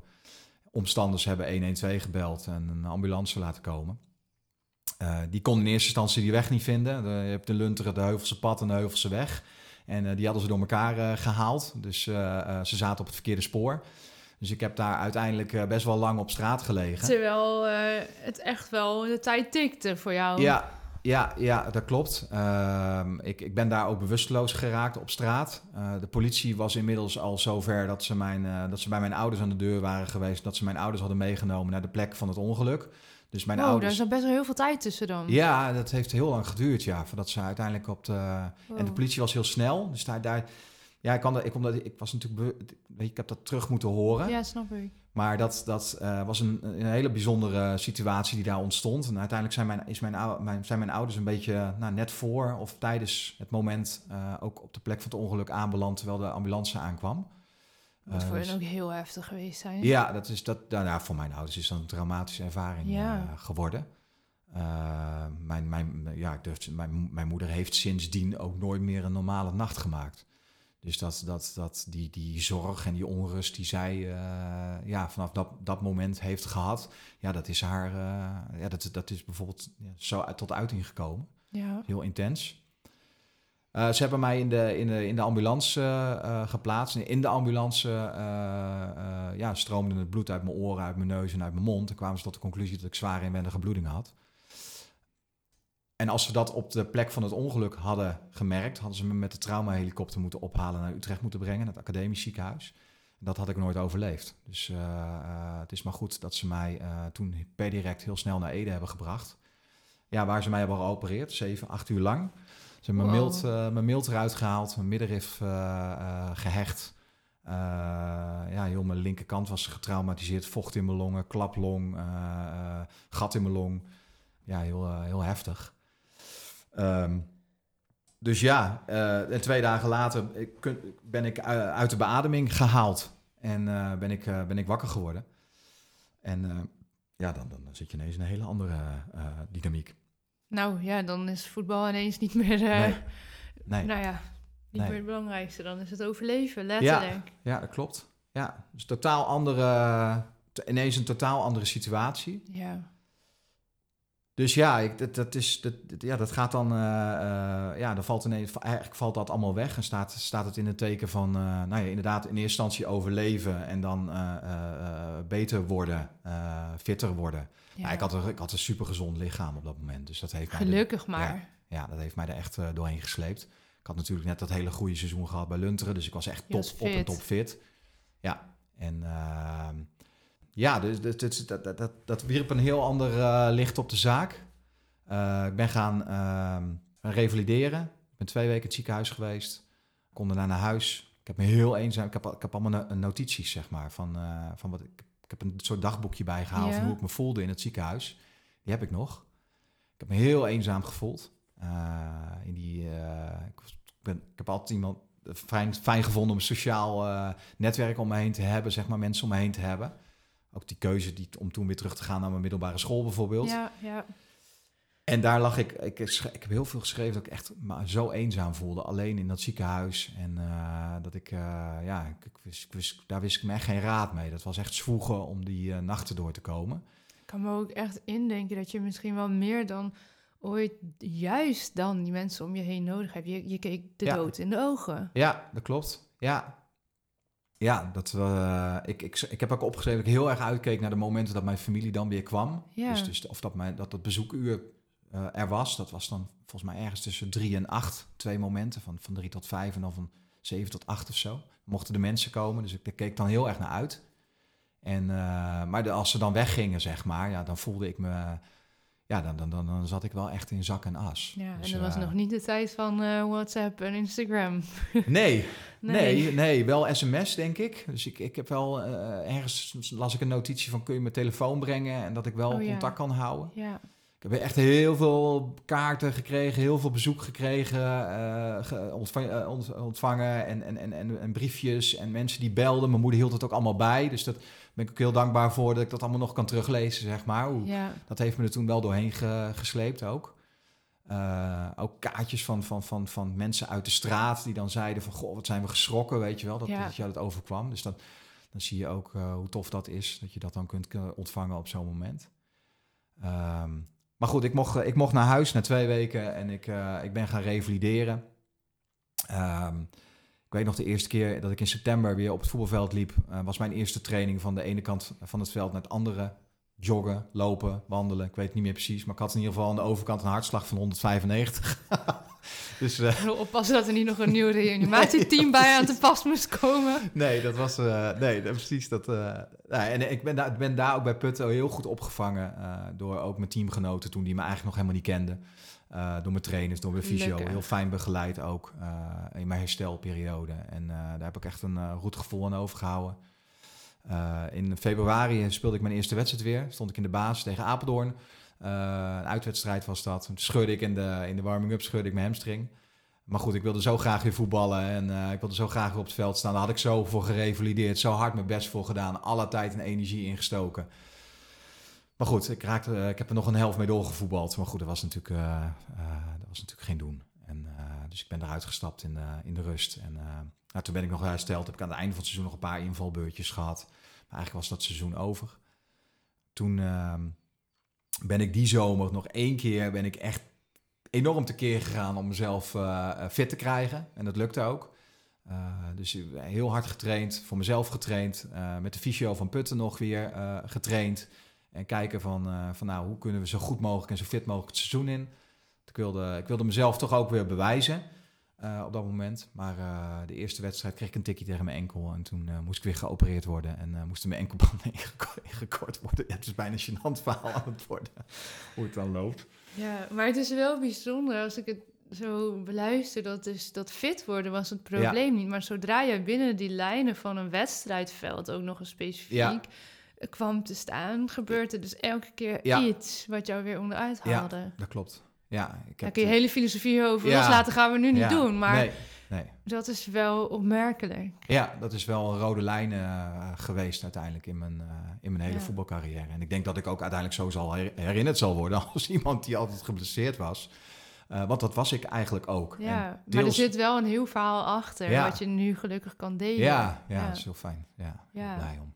Ja, ja, ik denk dat dat heel ja, troostend ook kan zijn. En, en nou ja, hoopgevend misschien in dit geval niet zozeer. Want uiteindelijk Nee. heb je die profcarrière niet gehad. Maar wel, ja, als je door zo'n periode heen gaat... dat het dus ook heel normaal is dat je je alleen daarin voelt. En ook al willen we dat liever niet, maar ja... Ja. Je bent niet alleen, Nee, weet dat. dat Ja. klopt. Ja, zeker Ik ben weten. wel nieuwsgierig en het ongeluk was echt heftig. Ja. En ehm, ik kan me voorstellen dat dat jouw blik op het leven best wel heeft veranderd. Misschien ook niet hoor, maar ik ben heel nieuwsgierig. Ben jij anders gaan kijken naar het leven, jouw leven, nadat je, nou ja, eigenlijk kunnen we zeggen, toch wel de dood in de ogen aan hebt gekeken? Ja, ja. Ja, ik, eh, ik weet nog dat ik... eh, ik heb een krantenartikel, heb ook bewaard, want ik werd geïnterviewd na, eh, na dat ongeluk. De, kop was Ferdy van den Berg, die jongen van dat ongeluk. Zo herinnerden mensen mij op dat moment, zeg maar. Dat was de kop. En ik heb daarin geschreven dat ik... eh, een van de mooiste momenten was uiteindelijk... eh, dat ik na dat ongeluk weer voor het eerst met mijn vrienden uit eten ging. Ja, Ja, dat, als ik daar aan terugdenk, springen de tranen me nog in de ogen. Omdat je daar weer, daar voelde je dan weer die, die, echt die levensvreugde, zeg maar, waar het dan uiteindelijk dan, voor wat mij betreft, echt om draait. En dat is dan in verbinding zijn met anderen en, eh, en er gewoon echt een mooie, mooie tijd van maken. Dus dat is, dat is uiteindelijk, denk ik, voor mij een. eh, ja, ik heb dat wel geïmplementeerd in mijn leven uiteindelijk. Dat ik eh, vanaf dat moment dacht van oké, ik ga alles eruit halen wat erin zit. En ik ga ook wel optimaal genieten, zeg maar, van het samen zijn en, en, en, en met anderen zijn. En dat is één. En die andere die mij nu te binnen schiet, en die had ik ook al wel opgeschreven voor mezelf een tijdje geleden, toen ik aan, een stukje aan het reflecteren was. Dat is ook dat ik uit mee heb genomen dat uiteindelijk alles goed komt. En dat is uh, soms wel, dat, klinkt ook heel cliché, uh, maar zo sta ik wel in mijn leven. Dus op het moment dat ik op dit moment uh, moeilijkheden ervaar of uitdagingen ervaar of complexiteit ervaar in de situaties waar ik in terecht kom of, of die om mij heen zijn, er ontstaat dan bij mij zo'n soort gevoel van, oké, dat ik daar dan, nou, ik durf bijna, durf bijna niet zeggen, maar dat ik er bijna van kan genieten, van dat moment, van dat moment van crisis, dat moment van, van, van uh, dat het zo moeilijk is, omdat ik weet dat het vanaf daar alleen maar beter kan gaan. Dus dat is ook een soort diep vertrouwen in het leven wat ik daar uh, uit heb gehaald. Wow. Uh, om dan uiteindelijk, omdat, ja, na, nou, hè, na regen komt zonneschijn. Uh, dus dat, dat, dat, dat heb ik eigenlijk vanaf dat moment altijd meegenomen in alles wat ik, uh, wat ik heb gedaan. Ergens onbewust. En de laatste jaren ben ik me daar heel erg bewust van geworden dat ik dat zo doe. Ja. Wauw. Ja, Echt dus indrukwekkend. ja. ja. ja, dus dat is wel heel bijzonder om dat, om dat, om dat uiteindelijk ook te, bewust te worden. Dat je, Ja. dat, dat je het op die manier kunt bekijken. En ik, ik, ik weet ook wel wanneer ik dat dan dat anderen misschien dat uh, anders ervaren als je bijvoorbeeld heel erg ziek zou zijn. Hè, of je bent, uh, je hebt een, nou, er overkomt je iets, maar ik denk dat er altijd, er is altijd licht, zeg maar. Ja. je kunt altijd naar het licht toe bewegen. ja, want natuurlijk word je getekend door wat er gebeurt. Ja, En je moet het vooral ook niet weg willen duwen als een bal onder water. Nee. Maar het is wel heel krachtig hoe jij zegt, ja, nu nadat je zo vaak bent gevallen en weer moest Ja. opstaan, kan ik bijna genieten van een crisis, omdat Ja. ik weet dat het daarna beter wordt. ja, ja, dat klopt. Nou, dat vind ik wel hoopgevend. Ja, ja, dankjewel. ja, Ja. dat zeg je heel erg mooi. Ja, Ik ben er een beetje stil van. ja het is wel, eh Ja. als je het altijd weer, eh, als, als altijd, maar als je, nou goed, er is bij mij best wel een hoop eh, eh, gebeurd, ook weer de afgelopen jaren. Best wel heel erg aan het, aan het, aan het, aan het terugkijken. Kijken van, oké, welke lessen heb je nou eigenlijk eh, geleerd de afgelopen jaren, mogen leren? Ja. Welke je lessen heb je mogen leren recent? Zo, nee, dan word ik stil. Voor iedereen die luistert, heb een beetje geduld met ons aan het einde van dit gesprek. Ja, ja, we komen nu op, eh, want, want, want die, die hele situatie uiteindelijk, of de hele, hele periode eh, vanuit mijn jeugd, waar je eigenlijk, waar ik heel vaak te horen heb gekregen dat ik niet goed genoeg was, eh, hè, of dat ik anderen niet wilde teleurstellen, of dat ik extra mijn best moest doen om, om, om, om, om het voor elkaar te krijgen. Uh, ja, die heeft, die heeft bij mij wel, die, heeft, die hebben bij mij wel heel erg littekens achtergelaten in mijn, ja, met name de relaties die ik heb gehad, ja, de manier ook hoe ik mijn leven heb vormgegeven. Uh, omdat je anderen niet wil teleurstellen, omdat je het zo graag goed wil doen, uh, ben je heel snel geneigd om dus je oren ook naar anderen te laten hangen. Om, je geen, om geen grenzen te stellen voor jezelf. Om eerst te kijken naar wat een ander wil, uh, in plaats van te kijken naar wat je uh, zelf nodig hebt. En uh, nou, dat is wel een hele wijze levensles, zeg maar, die ik op dit moment aan het leren ben. Ik zeg nog mm. niet dat ik hem elke dag kan, kan toepassen. Maar om eigenlijk die, die, die elementen die ik toen eigenlijk heb geleerd, ja, die zijn zo vastgeroest in mijn systeem. Dus ik heb, ik heb heel vaak moeite om dan in een gesprek waar een bepaalde dynamiek ontstaat, hè, of waar, waar ik terecht gewezen word, of waar mij de schuld uh, van uh, iets wordt toe uh, bedicht. Ja, dan heb ik heel vaak moeite, want ik, ik zeg heel gauw van, ah ja, ja, ja je hebt gelijk, weet je wel. En ja, ik moet dat ook anders doen. Of ik, ja, ik had het ook beter moeten doen. Of ja, ik heb je daarin teleurgesteld. Ja. Dus ik heb heel, heel veel in die dynamiek gezeten. En ik, ik merk nu de laatste jaren dat ik daar dan mee bezig ben om daar uit te klimmen. En, en dus meer naar mezelf te kijken en te zien van oké, okay, waar sta ik dan precies? En wat vind ik fijn? En wat is uh, voor mij het beste toekomstperspectief? En waar, waar voel ik me comfortabel bij? Ja. Maar ja, en dat, dat, ja, dat, dat is een, dat is een, uh, een. Ongoing eh, process. Ja, ja, snap je. Ja, Ja. maar dat, eh, dat heeft alles, maar dat heeft alles te maken met die, eh, ja, toch die, die hele periode waarin je eigenlijk eh, Ja. ja, te- terecht gewezen bent, om maar zo te zeggen. En eh, ik denk dat dat heel herkenbaar is voor Ja. heel veel eh, mensen die in het profwereldje bewogen hebben. Ja. Ja, om- Ja, ik vind het nog wel interessant. ehm voor we langzaam gaan afronden, wil ik eigenlijk nog, nog één stuk met je bespreken. Want hè, op een gegeven moment heb je het voetbal dus achter je gelaten. ja, Ehm, maar je bent nog wel heel veel toffe dingen daarna gaan Ja. doen. Ook meer maatschappelijk en qua gezin. En ik denk dat dat wel nou ja, heel waardevol is om ook nog te delen. Want er staan natuurlijk meer mensen op dat punt van... Nou, ga ik stoppen, ga ik door? En vooral Ja. als ik ga stoppen, wat dan? ja, Eh, dat is natuurlijk een, echt een grote vraag. Je identiteit was de sport. ja, dat klopt. Ja, Je laat eigenlijk een identiteit achter, een jas trek je uit. Maar oké, wat, wie Ja. ben je dan?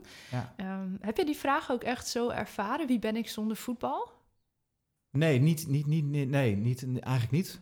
Eh, want ik, eh, kijk, ik werd natuurlijk geforceerd om te stoppen met voetbal Ja. op een bepaald moment. Hè, na al die blessures. Dus, dus, dus eh, ik heb in die, in die periode, eigenlijk op het na, mijn ongeluk en, en die jaren bij, bij Putten waar ik voetbalde, kwam ik in een, eh, in een eh, bedrijf terecht. Eh, ik, heb, begonnen, op mijn achttiende ben ik begonnen met werken. Ik een beetje in, in de verkoop gerold, zeg maar. En da- daar werkte ik voor een, voor een bedrijf wat zich internationaal roerde. Eh, Ja. wij, de, dat bedrijf maakte platentassen voor DJ's. Dus eh, in die tijd draaiden DJ's nog met platen. Dus als ze naar Ibiza gingen, dan konden ze met die platentas konden ze die meenemen in, een, eh, in, het, eh, in, in, het luchtruim. In plaats van in de, eh, beneden bij de, alle bagage. En dan raakten ze hun platen niet kwijt, konden ze hun gig doen. Eh, dus ik, ik, kwam, ik kwam daar op de een of andere manier terecht, zeg maar. Ging Dus daar eigenlijk had je best wel een snelle transitie van Ferry de voetballer naar de maatschappelijke Ja. versie van jezelf. Kan Ja. ik dat zo zeggen? Ja, ik denk het wel. Maar het gaat natuurlijk gelijkmatig. Hè. Je hebt natuurlijk enerzijds heb je natuurlijk eh, zeker ook het amateurvoetbal. Heb je natuurlijk je, je, je traint s'avonds, dus eh, niet meer overdags. En overdags ben je natuurlijk gewoon aan het werk. Dus Ja, ja, ook ik precies. kreeg ik gewoon een baan. En eh, eh, dus ik, ik belandde daar en ik kreeg vanuit die eh, mensen kreeg ik heel veel vertrouwen. Dus zij lieten mij eigenlijk inzien dat ik, eh, dat ik eigenlijk best goed was in wat ik deed daar. Dus ik, ik, eh, ik eh, kreeg een promotie en ik mocht dan in plaats van eh, de verkoop in het binnenland begeleiden, mocht ik de verkoop in het buitenland gaan doen. Ik mocht reizen gaan maken, ik mocht, kreeg verantwoordelijkheid. Ik, ik, nou, eh, zelfs op het allerlaatste moment werd me gevraagd om, een, om, om hun business te gaan draaien in Azië. Dat was zo rond mijn 24ste. Dus ja, ik, ik kreeg daardoor kreeg ik vertrouwen. Die mensen zeiden eigenlijk tegen mij van... joh, ja, je bent, je bent heel goed in wat je doet, zeg maar. Je bent een hele fijne vent om mee, mee samen te werken. Dus eh, wil je dat alsjeblieft voor ons blijven doen en, en, en wil je dit gaan oppakken? En dan zie je eigenlijk dat je dus naast het voetbaltalent... dat je dus ook een ander talent hebt wat je dan mag gaan ontwikkelen. En daar, dat, daar, daar ben ik heel blij mee dat ik die handvatten toen heb gekregen. Dat is echt een ontdekkingstocht, hè? Dat, Ja. Nou ja, wat kan ik eigenlijk nog meer? Wat Ja. vind ik leuk? Waar ben ik goed in? Ja, en dat was eigenlijk ook in dat topsportwereldje is dat natuurlijk is ligt de focus heel erg op het, op het, op het presteren. Maar je, natuurlijk, Ja. je kunt natuurlijk nog veel meer daarnaast, hè? Dus dat is. eh, Ja, daar denk je... Nou ja, tenminste, ik dacht daar als jonge volleybalster niet over nee, na, nee, eerlijk het was gezegd. maar één route. Ja, Ja, ja, die oogkleppen waren op. En Ja. je bent ook nog heel jong, hè? Dat dus klopt. je hebt misschien ook... Tenminste, dat denk ik nu. Ik had ook nog niet zoveel beeld van wat er allemaal nog meer in de wereld was. nee. Voor, Nee. voor leuke dingen. Nee, nee, Nee. nee, Nou, dat, om over leuke dingen te praten, dat, dat ontstond bij mij toen ook. Want ik heb eh, vanaf mijn twintigste tot mijn 25ste ben ik vreselijk tekeer gegaan in het uitgaanswereldje. Ja, goed dat je het nog even zegt. ja. Ik zou het bijna vergeten, jongens. Ik ga er nog even goed voor zitten. ja, want ja, ik koos Ja. eh, boven topsport en zelfs boven gezinsleven toch wel eh, Ja, de ben- van eh, seks, drugs en rock'n'roll. Ja, ik ben, ja, ik ben wel, ik heb wel behoorlijk huis gehouden ja, op dat vlak. ik heb alles gedaan wat God verboden heeft.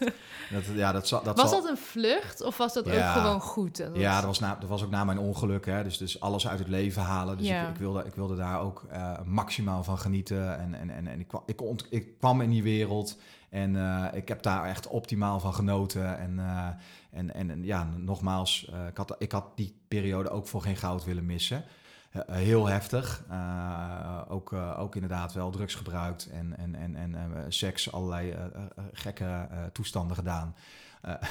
Dus, Maar goed, het, is, het, is, het, het, was, ja, het was een vlucht. En, maar het hoorde er ook bij voor mij om te kunnen ontladen, zeg maar, van die hele periode die ik had, die ik had ervaren daarvoor. Ja. Uh, ook dat was voor, is voor mijn ouders natuurlijk gewoon een, uh, een heel heftig geweest om dat, op, om, om dat te zien gebeuren. Dus moest je echt loslaten. Ja, ze hadden daar ook, ze hadden niet echt een beeld bij hoor, wat ik, wat ik allemaal deed en noem maar op. Ik was daar natuurlijk helemaal niet open over, ook thuis. Dat hield ik ook allemaal voor mezelf. Uh, moet je ook niet allemaal willen weten als ouders, volgens mij. Voor ouders, uh, op een gegeven moment stopt het ook daar. Dus ik zal mezelf dat ook moeten aanwenden straks mijn eigen kinderen. Ja, het is ook soms goed dat je niet alles weet. Nee, nee. En uh, nou goed, na die tijd ben ik uiteindelijk wel in een, in een, ja, in een wat normalere dynamiek terechtgekomen. een vriendinnetje gekregen, ook rond mijn 25ste, tijdje samengewoond. Maar ook wel door, uh, door wat ik uh, ja, in mijn jeugd ook meenam, uh, ja, is dat, heeft, heeft dat ook wel tot spanningen geleid in die relatie.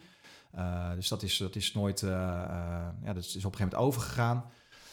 Um, en rond mijn dertigste ontmoet ik de moeder van mijn, van mijn kinderen. En dus ja, dat, dat, dat, dat, daar voor, voor mij ontstond daar voor het eerst eigenlijk de, de mogelijkheid om, een, om echt een gezinssituatie op te bouwen. Ik had goed werk.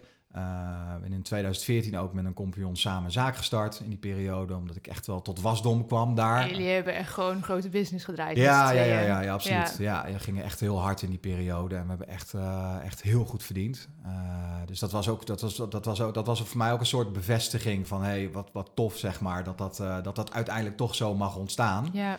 En daar, daar, daar krijg je natuurlijk wel, daar word je wel door gevoed, zeg maar. Daar krijg je ook zelfvertrouwen van. Ja, ja. En uh, dus ik heb, daar, ik heb mezelf daar op marketingvlak heel erg uh, kunnen ontwikkelen. Uh, dat was, het was heel tof. Een gezinssituatie kunnen creëren, huis kunnen kopen. En ja, twee prachtige kinderen mogen krijgen uiteindelijk. Twee jongens waar ik, waar ik natuurlijk aan het begin al zei, super trots op ben. Ja. En ehm, ja, uiteindelijk heeft dat niet zo mogen zijn, dat we nog bij elkaar zijn. dus dat is vorig jaar op de klippen gelopen. En dat heeft ook alles te maken met het feit dat ik uh, voor mezelf uh, wilde gaan kiezen. Uh, dat ik voor het eerst eigenlijk in mijn leven ook echt mijn, nou, mijn eigen grenzen durfde aan te geven. En helaas die beslissing heb moeten nemen. Waar eigenlijk nu het afgelopen jaar een compleet nieuw leven is ontstaan om mij heen. Waarbij ik eigenlijk de dingen die ik heb mogen leren in mijn leven toepas. ja, echt wel bezig ben met hoe ik vanuit liefde uh, met mensen kan, kan samen zijn, uh, kan verbinden. En uh, ja, dan, voor mij ja, is er echt een nieuw leven ontstaan. dus daar ben ik alleen maar heel dankbaar voor en heel blij om dat ik die, ja, dus ik kijk ook uiteindelijk op deze hele situatie terug. Zo van, oké, mijn leven heeft zo moeten lopen ja. om uiteindelijk daar te komen waar ik nu ben. Ja, dat zie je altijd pas later. En dan kun je pas later dots. Ja. ja. Ja, dat klopt. Ja, blij, blij met waar ik nu sta. En, uh, en uh, ja, goed, een van die dingen is bijvoorbeeld dus om, om proberen zoveel mogelijk vanuit mijn hart te leven. Uh, dat valt ook niet altijd mee. Om vanuit je gevoel te leven te doen. Op, op het moment zelf te besluiten van oké, voelt dit goed om te doen, ja of nee? Mm -hmm. In plaats van altijd maar alles vanuit ratio te willen bedenken. Nou, en zo, zo is eigenlijk dit ook ontstaan. Ja, zo zitten we ineens hier. Ja, zo zitten we hier. Want ik ben, ben er dan, uh, ja, heb in december het besluit genomen om op LinkedIn mijn gevoel te gaan delen en mijn verhalen te gaan vertellen. Ja, en, en, en, en wij komen in contact. En, en ik las dat verhaal ja, jouw sportverhaal ja. dacht, ja, wij moeten elkaar spreken. Ja, ja. ja, ja, dus waanzinnig tof dat ik op deze manier met mijn verhaal wellicht iets kan bijdragen aan het leven van, uh, van iemand anders die dit hoort en denkt van, oh oké, okay, maar uh, ik ben niet alleen. Ja, ja. Ik ben daar uh, vrij zeker van dat dat zo ja. zal zijn. ja, ja, ja dus, uh, je hebt een waanzinnig mooi platform uh, daarvoor nu. ja, ook bij mij heeft het blijkbaar zo moeten lopen dat ik nu dit ben gaan doen. Was ik wel die profvolleybalster geworden, dan was dit platform er nu niet geweest in deze nee. vorm. Nee, dat klopt. Dat ja, klopt. toen natuurlijk had ik toen nooit een boodschap aangehad, maar nu kan ik daar wel dankbaar voor zijn. Ja, ja. ja zeker weten. En hard nodig, want er zijn zoveel ja. kinderen, mensen. Ik zag het ook op mijn LinkedIn-bericht gebeuren, zeg maar. Hoe je, hoeveel ja. reacties ik daarop kreeg. Zeg ja, maar, bijzonder. Het bericht uh, bijna honderdduizend keer bekeken. Ja, ongelooflijk. van ouders die zeggen van hé, hey, maar kun je eens wat meer vertellen? Of oud-profvoetballers die erop reageerden. En ja. Uh, ja, ja. ja, maar dat is het. Kijk, dat platform, dat is fantastisch dat het er is. En we hebben daar hele mooie trainingen in zitten, modules. En waar je gewoon aan de slag kan gaan met jezelf. En met dit soort levensvragen waar je dan tegenaan loopt. Maar het feit dat we via de podcast en via events mensen echt kunnen verbinden met elkaar. En het gevoel van, ja, ik ben dus niet alleen. Mijn verhaal mag er zijn, mijn verhaal doet ertoe. En vooral ook gehoord worden. Uh, we hebben het platform waar je zelf aan de slag kan met hele mooie, inspirerende sprekers en die je goede oefeningen geven. Maar het feit dat onze e-mail staat open voor jouw verhaal, ja. dat denk ik in de basis is wat er gewoon zo hard nodig is. Los van dat je natuurlijk wil dat dat aan de voorkant beter gaat en dat die ontwikkeling, er dat dat een positieve wending neemt, dat het misschien minder voor gaat komen, zal je er tegenaan blijven lopen dat ja, je niet geselecteerd wordt. Ehm, jezelf een punt zet achter je carrière en je afvraagt wat dan nu. Wat nu? Ehm, er zijn zoveel amateursporters die misschien ineens geblesseerd raken en daardoor de gezelligste niet meer zijn thuis. Uh, ja, het hoeft niet. Het zijn niet alleen maar de Olympiërs die in zo'n nee. welbekend zwart gat uh, vallen, al dan niet. Ja. Maar wat vaak vergeten wordt, is dat het ook gewoon, nou ja, zoals ik kon gewoon leuk volleyballen. Ik was ja. helemaal niet in beeld bij een Nederlands team. Nee. ik kon wel leuk volleyballen. En voor mij was het heel belangrijk. Juist. En die beleving, ja, dat, daar is weinig bewustwording nog, denk ik. Ja. ja en zeker ook die laag van zowel de ouders als de jongvolwassenen, als nou ja, de kids die daarmee te maken krijgen, is gewoon uh, Zeker. essentieel dat er aandacht voor komt. Dus dank je wel dat jij dat ja. delen. Hey, voor we echt een uh, punt erachter gaan zetten, heb ik nog um, drie vragen voor je.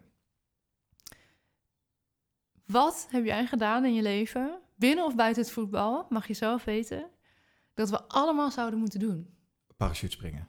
Oh mijn god, nee. Ja. Echt? Ja. Oh, dat lijkt me heel eng. Ja, dat moet iedereen doen. Oké, waarom dan? Kun je dit onderbouwen een klein beetje? Ja, dan... Uh, dat, Mijn hoofd denkt gelijk ik, ik, weet, ik, weet, ik weet nog dat, dat toen ik landde, een van de eerste dingen uh, die, die ik toen zei, was... Oké, nu weet je pas echt dat je leeft. Oké. Ja. Nou, ter overweging. Doe dus ermee wat voor, je wil. Voor, voor, voor, de mensen die, uh, die, die een vrije val willen beleven. Ja. Oké. Ja, dan, is, dan, heb, dan ben je helemaal overgeleverd. Ja, nee, dat, Is, dat is mijn punt. Ja, ja, ja. dus daarom, daarom moet ik deze ook noemen. Ja, fantastisch. Ja. Welk boek heb jij gelezen dat we allemaal zouden moeten lezen? Ja, dat is, die heb ik, die heb ik, dat is uh, De Vertraagde Tijd van een Nederlandse filosoof Arnold Cornelis. Uh, alleen dat boek dat is niet meer verkrijgbaar. Dus ik het is wel, iedereen zou het moeten lezen, alleen het boek is niet meer verkrijgbaar. Dus misschien moeten we daar nog iets, iets mee in de toekomst. Moet ik daar nog Leeft hij nog? Kunnen we hem meelezen? Hij leeft niet meer. Nee, ah. nee, nee. Hij heeft in 1999 dit boek uitgebracht. Um, en hij is een Nederlandse filosoof, heeft op allerlei uh, universiteiten uh, gestudeerd en lesgegeven in, in Nederland, ook in België. En hij is uh, eigenlijk, in het boek legt hij uit hoe de technologische ontwikkeling in conflict komt met de interne klok van ons als mens. Dus de tijd gaat steeds, of de, de computer gaat steeds sneller. Ja. En wij bewegen als mens mee met die tijd van die computer. Terwijl we als mens juist naar onze eigen klok zouden moeten luisteren. En uh, hij heeft daar hele mee, mooie metaforen in, in dat boek. Uh, door te zeggen dat de tijd met name vertraagd moet worden. Dus als je kijkt naar de, de technologische ontwikkeling, is het zo belangrijk om stil te blijven staan als mens. Uh, om uh, tijd voor jezelf te nemen, om uh, te vertragen, ja. om te luisteren naar je, naar je eigen programma, zeg maar, in je eigen tijd, in je eigen, met je eigen klok, in plaats van dat we met z'n allen alleen maar harder gaan rennen. En dat boek is voor mij een enorme eye-opener geweest, zeg maar, in hoe ik mijn tijd indeel op dit moment en hoe ik uh, mijn leven probeer vorm te geven. Dus nu moeten we allemaal gaan speuren in de krochten van marktplaatsen en zo? Ja, ja hij is op uh, verschillende plekjes in marktplaatsen is hij nog wel eens uh, verkrijgbaar. Ja. Oké, okay. ja. ik ga het in de gaten houden. Ja, ja en anders mag je hem lenen van mij. Ja, precies. Ja, heel voorzichtig omslaan al die bladzijden. Ja, precies.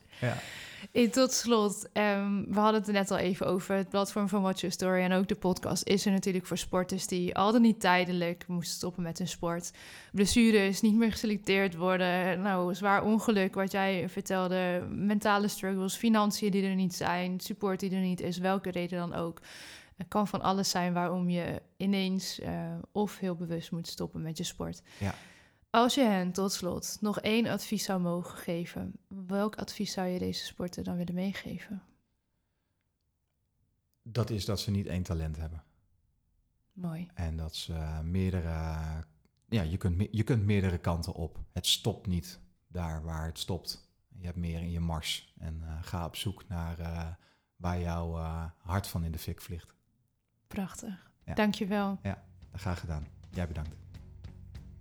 Dankjewel voor het luisteren naar deze aflevering van de Watch Your Story podcast. Ben je op zoek naar een luisterend oor omdat je in een lastige fase zit binnen of na jouw sportieve leven? Word dan vandaag nog lid van ons platform. Dit kan heel eenvoudig via watchyourstory.nl. Wil je liever persoonlijk contact over jouw situatie? Mail ons dan via team@watchyourstory.nl. Je mailt ons vertrouwelijk en krijgt altijd een antwoord. Verder vinden we het natuurlijk super leuk om te weten wie er luistert. Deel deze aflevering vooral binnen je netwerk en op social media. Wil je nooit meer een aflevering missen? Abonneer je dan op ons kanaal via jouw favoriete podcast-app. Nogmaals bedankt voor het luisteren. Tot de volgende aflevering en onthoud, your story counts.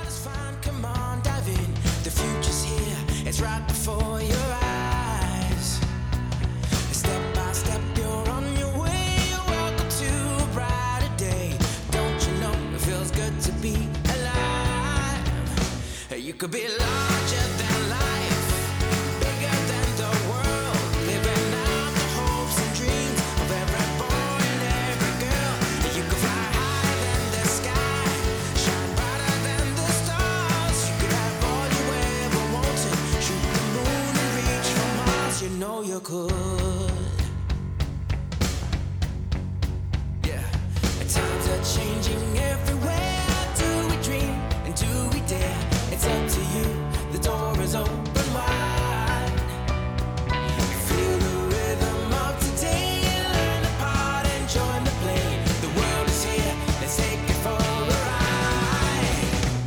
Could be larger than